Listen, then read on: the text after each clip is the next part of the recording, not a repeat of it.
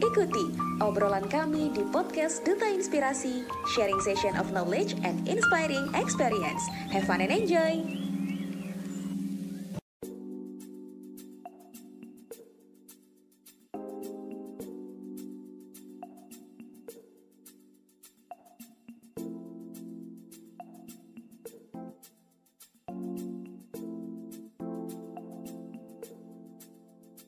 Halo Sobat Inspirasi di mana pun kalian berada, apa kabarnya nih? Semoga dalam keadaan yang baik-baik saja ya teman-teman dan sehat-sehat aja. Karena sekarang, di masa sekarang ini, yang paling penting itu adalah kita menjaga kesehatan kita. Kesehatan itu sebuah kenikmatan yang tak terhingga sekarang ya. Dulu kita ngerasa biasa-biasa aja gitu. Kalau misalkan sakit sedikit ya paling gimana gitu kan. Tapi sekarang yang namanya kesehatan itu benar-benar jadi sebuah nikmat jadi sebuah hal yang harus kita utamakan dulu gitu dan itu harus di atas segalanya karena masih banyak nih teman-teman kita masih banyak mungkin saudara-saudara kita yang tidak bisa merasakan kesehatan seperti yang kita rasakan sekarang buat para pejuang negatif gitu yang mungkin mendengarkan podcast ini juga semoga bisa segera negatif dan semoga bisa segera menjalani aktivitasnya seperti biasa. Buat yang sudah negatif dari kemarin atau dari awal tetap stay negatif ya untuk hasil tesnya gitu tapi kalau untuk kehidupannya kita tetap harus stay positif memandang segala sesuatu dari arah yang positif gitu. Kembali lagi di Instock makin kenal makin tahu ada manfaatnya. Podcast sudah inspirasi ini sudah masuk ke episode 15 ya teman-teman. Jadi kali ini kita akan membahas tentang topik-topik yang dekat atau relate dengan para millennials begitu. Tapi sebelumnya aku akan memperkenalkan diri dulu Namaku Rehan Fasya Firdausi, biasa dipanggil Fasya. Aku adalah duta inspirasi perwakilan dari daerah istimewa Yogyakarta.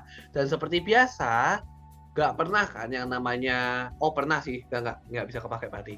Dan seperti biasa, aku nggak sendirian nih di sini.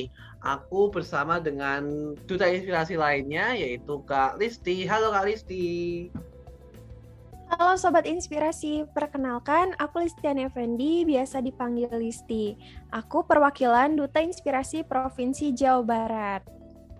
Oke, salam kenal Kak Listi dan salam kenal semua teman-teman pendengar Duta Inspirasi Podcast Instock dari seluruh Indonesia. Oke, jadi kali ini seperti yang tadi aku udah spill di depan, kita akan bahas sesuatu yang sangat-sangat relate atau sangat-sangat sesuai dengan keadaan kehidupan para milenial saat ini. Biasanya kalau di umur-umur segini nih kita sering menghadapi yang namanya bingung sama keadaan diri kita. Nggak tahu siapa diri kita sebenarnya. Nggak tahu apa arah tujuan kehidupan kita.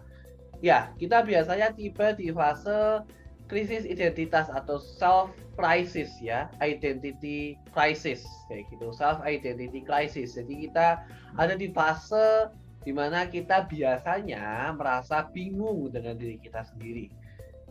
Tapi perlu dicatat teman-teman, perlu dicatat ya, disclaimer sedikit, ulangi. Tapi kita perlu, tapi ulangi tapi disclaimer dikit ya teman-teman, di sini kita bukan orang-orang expert, kita bukan psikolog, kita bukan psikiater atau apa pun itu.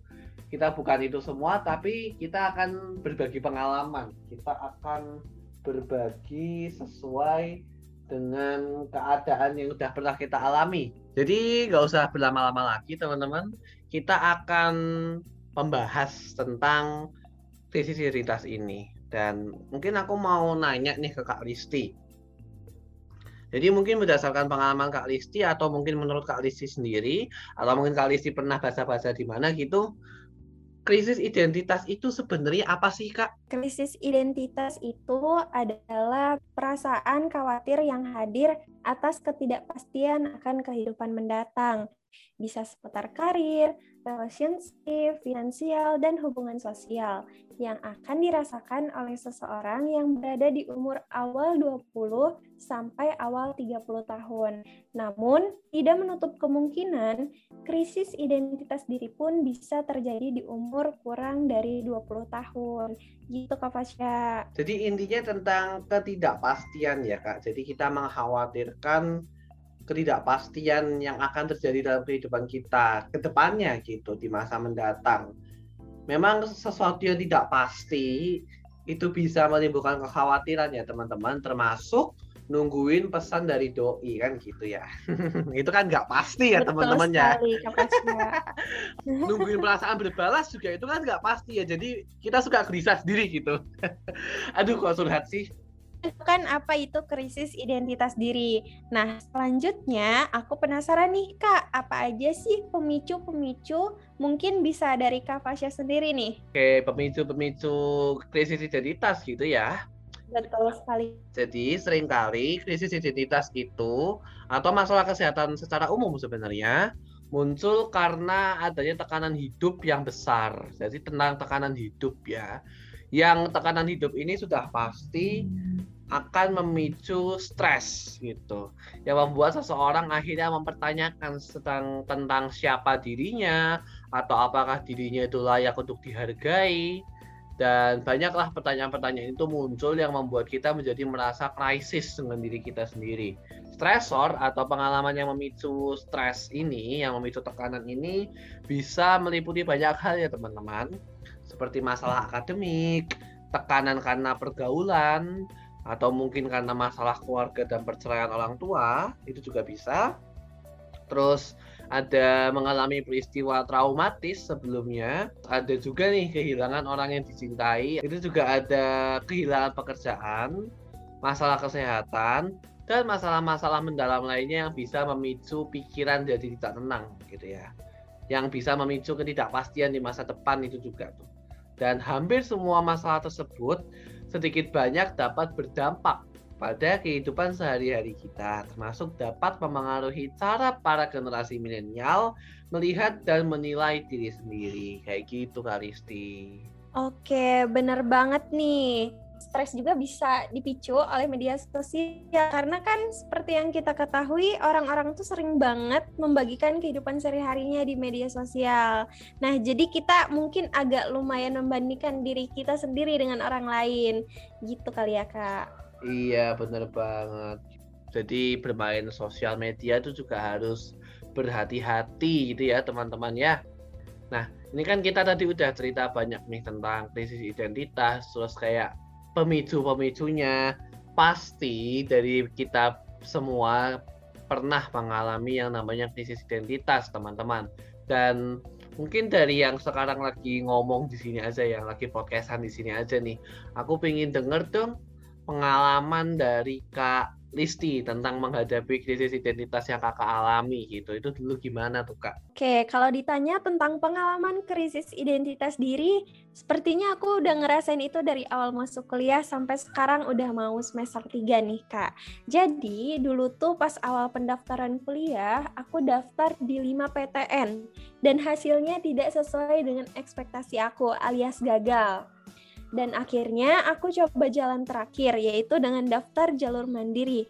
Nah, entah kenapa di pilihan pertama aku pilih jurusan hukum tata negara. Padahal aku tuh anak IPA kak, tapi hmm. alhamdulillah hasilnya sesuai dengan ekspektasi aku. Setelah semester 1, aku kayak bertanya-tanya nih, ini nggak salah pilih jurusan kan? Apa aku bisa jurusan hukum dengan berlatar belakang anak IPA?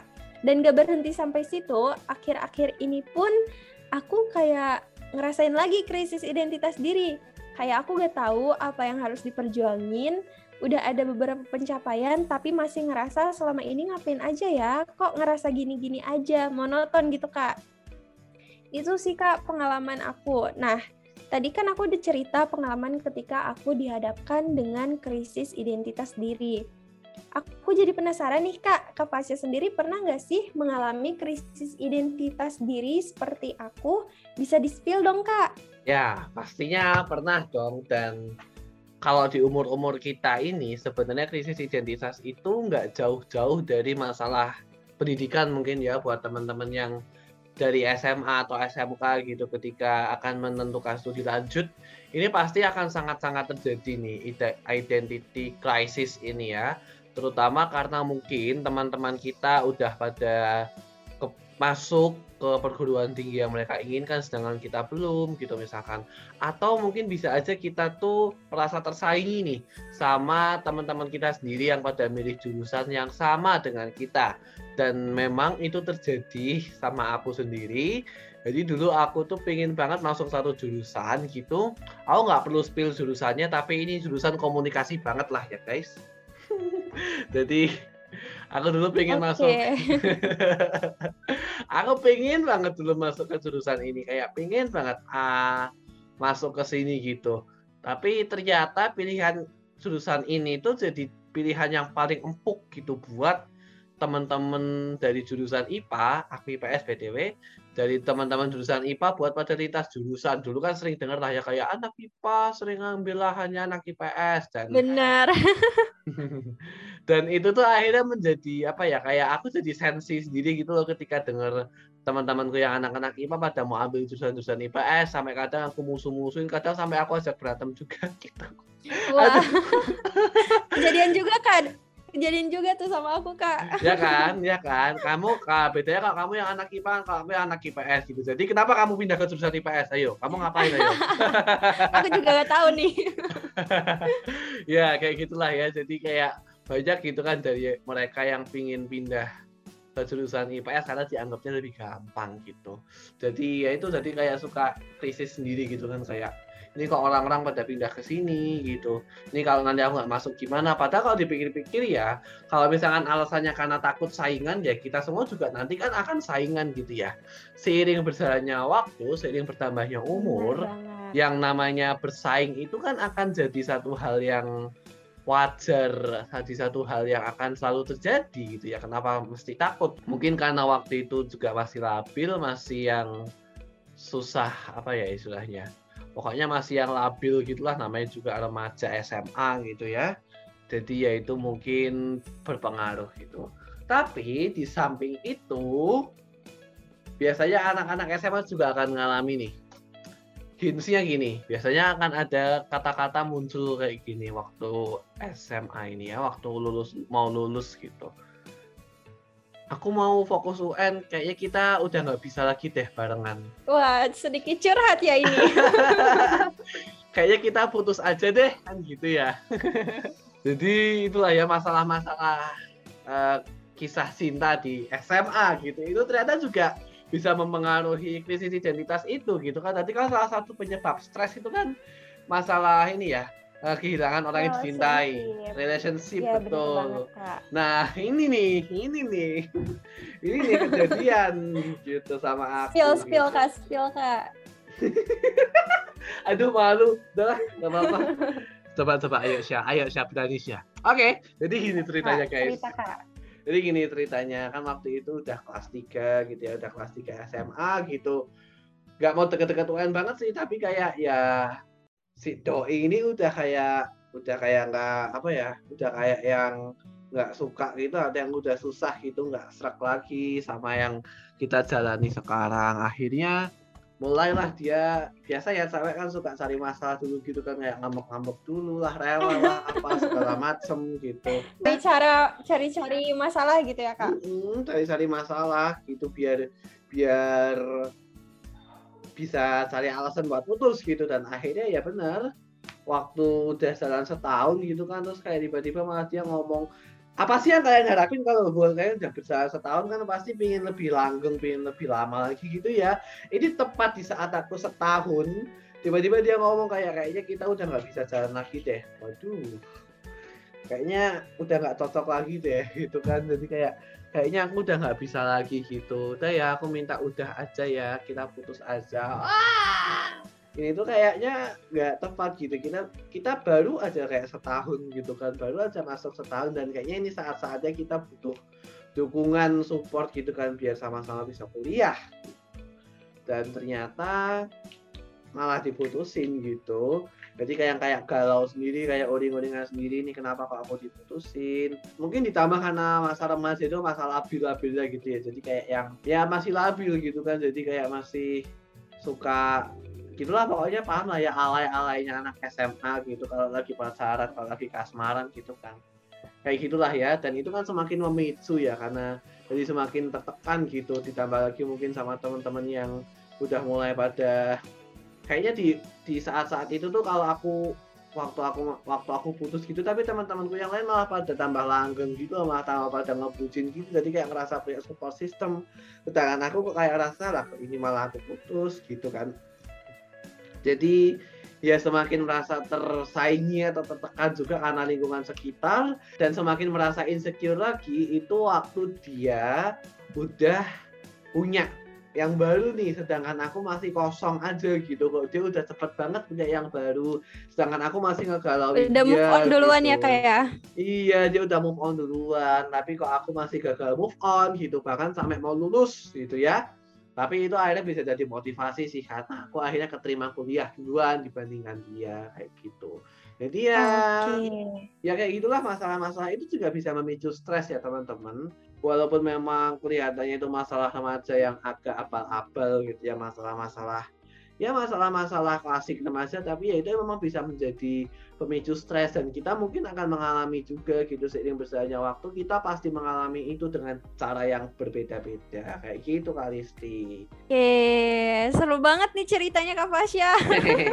jadi jadi mengingatkan kita di saat-saat mendekati UN gitu Kak. Iya, waktu masih ada UN dulu ya, kayak itu kan alasan yang paling klasik gitu buat seseorang banget buat seseorang memutuskan pacarnya gitu kayak aku mau fokus Bener. UN gitu UN ya UN dan kita butuh support system di situ tapi Betul. dengan caranya memutuskan kita gak semangat lagi tentunya ya kayak ya. iya jadinya ya gitulah ya guys by the way kita kan udah banyak nih ngomongin tentang krisis identitas kita udah banyak ngomongin tentang pengalaman diri kita nah kita tuh pasti punya cara kita masing-masing pasti punya cara untuk menghadapi krisis identitas ini ya teman-teman. Nah, kalau menurut Kak Listi, mungkin berdasarkan pengalaman Kak Listi sendiri nih, cara kakak menghadapi krisis identitas tuh gimana sih kak? Oke, kalau ditanya gimana menghadapinya, kalau aku sih ada empat cara nih kebetulan kak. Nah, yang pertama tuh kita harus mengenali diri kita sendiri. Kayak saya tuh siapa sih maunya apa, tujuan hidupnya apa, apa sih yang mau di kayak kayak gitu kak. Nah yang kedua kita harus berani mencoba hal baru, berani explore. Karena percaya dengan begitu kita jadi tahu nih apa sih yang kita mau dan bahkan kita bisa mengambil pelajaran dari pengalaman-pengalaman tersebut. Yang ketiga kita harus memanfaatkan waktu. Aku percaya generasi muda punya waktu yang panjang untuk berproses menjadi versi terbaik dirinya. Nah, maka dari itu kita harus memaksimalkannya gitu kak. Dan yang terakhir, jangan terpenjara guys dengan diri kalian sendiri. Maksudnya di sini adalah jangan terlalu nyaman dengan identitas yang tidak membesarkan diri kita, tapi kita harus mau keluar dari penjara identitas tersebut. Keluar dari zona nyaman, kita mencoba hal-hal baru seperti itu gitu kak. Nah, okay. aku mau tahu dong kak, gimana sih caranya Kak Fasya menghadapi krisis identitas diri tersebut? Karena kan seperti yang kita ketahui, untuk menghadapi krisis identitas diri itu gak mudah dan setiap orang pastinya berbeda-beda cara mengatasinya. Nah, kalau dari Kak Fasya sendiri gimana tuh Kak? Kalau menghadapi krisis identitas itu sendiri, yang jelas ya kita harus menerima dengan keadaan diri kita sendiri gitu. Kita sadar dengan diri kita kita tahu kondisi kita, kita tahu kelebihan dan kelemahan kita, dan kita menerima itu. Dan mungkin sedikit terbuka dengan teman-teman yang dekat dengan kita yang bisa memberikan saran atau masukan untuk kita gitu. Siapa tahu itu bisa jadi solusi untuk kita menghadapi dan melewati krisis identitas. Ingat ya, pilih teman-teman yang memang bisa kalian percaya gitu. Nah, selain itu, kalian juga harus bisa keluar dari lingkungan yang toksik kan tidak semua teman-teman kita itu selalu bisa membawa sesuatu yang positif. Ya memang manusia nggak selamanya bisa positif sih, tapi kita bisa, harus bisa memilih, harus bisa melihat nih. Kalau teman kita itu kok kayaknya selalu ngasih dampak negatif ke kita gitu, selalu ngasih aura-aura negatif ke kita selalu ya selalu ngasih gitu mungkin selalu meremehkan mereka menganggap kamu lemah menyepelekan bahkan cenderung memojokkan. Nah itu sudah harus dipertanyakan lagi. Karena seharusnya yang namanya berteman yang namanya mencari pertemanan itu yang bisa membawa kita ke arah yang positif bersama-sama gitu ya. Bisa bertumbuh bersama bisa memberikan semangat, dukungan, support gitu kan, support system itu juga harusnya datang dari lingkungan pertemanan. Nah, kalau kamu merasa lingkunganmu toksik, ya kamu berani untuk keluar. Itu harus ya, harus berani keluar dari situ karena itu bisa mengganggu kesehatan mental. Dan yang terakhir, ini saran yang paling benar sih menurutku karena kita semua bukan orang-orang yang expert, maka konsultasikanlah kepada orang-orang yang ahli sering kali kita kan mendiagnosa diri kita sendiri malah jatuhnya salah gitu ya malah jatuhnya aneh gitu. Malah jatuhnya nggak bener gitu. Daripada kita mendiagnosa diri kita sendiri malah ya udah mending kita ke orang-orang yang lebih ahli gitu. Bisa ke psikiater bisa ke dokter bisa ke terapis atau ke mana pun kan sekarang layanan-layanan psikologis ya layanan-layanan psikolog itu udah banyak. Online juga ada murah-murah juga jadi itu bisa digunakan gitu. Terutama kalau kalian udah merasa cemas berlebihan putus asa kehilangan konsentrasi bahkan secara fisik udah kerasa tubuhnya gampang lemes gampang capek bahkan sudah punya keinginan untuk melukai diri sendiri nah ini wajib banget dikonsultasikan ke orang-orang yang ahli di bidangnya. Karena kadang ketika kita membicarakan atau ketika kita mencoba mulai untuk ngomong itu semuanya akan terasa lebih baik gitu kan ya kak dan itu tadi bincang-bincang kita teman-teman berkaitan dengan krisis identitas dan nggak kerasa nih kita udah ada di penghujung waktu di episode ke-15 kali ini. Nggak kerasa banget ya teman-teman, kayaknya tadi masih ngobrol asik-asik gitu kan, dan kita udah cerita banyak hal, sampai mungkin aku memerlukan diriku sendiri dengan cerita itu, tapi nggak apa-apa. kita ambil hikmahnya aja ya teman-teman yang dengerin. Diambil aja hikmahnya kita ambil pelajarannya aja gitu. Oke mungkin sebelum aku tutup kak Listi pengen ngasih closing statement gitu atau mungkin pengen ngomong sesuatu ke teman-teman? Oke untuk teman-teman, jangan lupa ketika kita dihadapkan dengan krisis identitas diri, ingat bahwa selain diri kita sendiri yang bisa menolong, lingkungan pun sangat bisa mempengaruhi, seperti keluarga, sahabat, teman. Mereka akan menjadi support system kita, seperti yang tadi Kak Fasya bilang support system tuh bisa dari keluarga, sahabat, dan teman. Dan ingat juga kita harus sedikit menjauhkan diri dari toxic people dulu gitu. Dan jangan merasa sendiri karena semua orang pasti akan merasakan krisis identitas diri. Dan jangan takut, percayalah it will pass bahwa kita bisa menghadapinya dengan cara-cara yang tepat. Gitu teman-teman. Benar banget. Jadi mengalami krisis identitas itu memang bisa dibilang sebuah kewajaran ya untuk orang-orang yang seumuran kita dan memang itu pasti orang akan ngalamin gitu loh. Semua orang akan mengalami itu pada waktunya nanti dan itu adalah hal yang wajar. Jadi tetap semangat, jangan pernah menjauhi masalah, justru kita selesaikan masalah yang kita hadapi. Kalau butuh bantuan jangan sungkan untuk minta tolong ke orang yang lebih bisa dan ya intinya kalau kita punya masalah dihadapi lah ya terutama tentang krisis identitas ini sebuah hal yang sangat-sangat wajar. Tinggal tadi bisa diingat-ingat lagi nih tips-tipsnya atau mungkin saran-sarannya dari kita gitu. Dan mungkin kalau teman-teman yang juga punya tips yang lebih manjur gitu yang lebih ampuh bisa juga nih sharing-sharing di grup Sobat Inspirasi yang udah ada. Nanti buat gabungnya gimana bisa cek link di deskripsi podcast ini. Nanti kalian klik aja grupnya, kalian juga nanti bisa join di situ, ketemu sama teman-teman Sobat Inspirasi dari seluruh Indonesia. Dan juga kita masih akan hadir lagi di waktu-waktu selanjutnya, di episode-episode selanjutnya. Jadi aku sama Kak Listi mau ngucapin terima kasih banyak nih buat teman-teman yang udah mendengarkan podcast ini sampai habis ya di episode 15 Terima ini. kasih semuanya. Terima kasih teman-teman semua yang sudah mendengarkan podcast ini sampai habis. Terima kasih sudah meluangkan waktunya, meluangkan kuotanya untuk mendengarkan obrolan dari kita berdua. Dan kita akan masih ketemu lagi bersama dengan sobat-sobat inspirasi lainnya dan bersama dengan duta inspirasi lainnya dari seluruh Indonesia di episode-episode selanjutnya. Terima kasih semua. Dadah.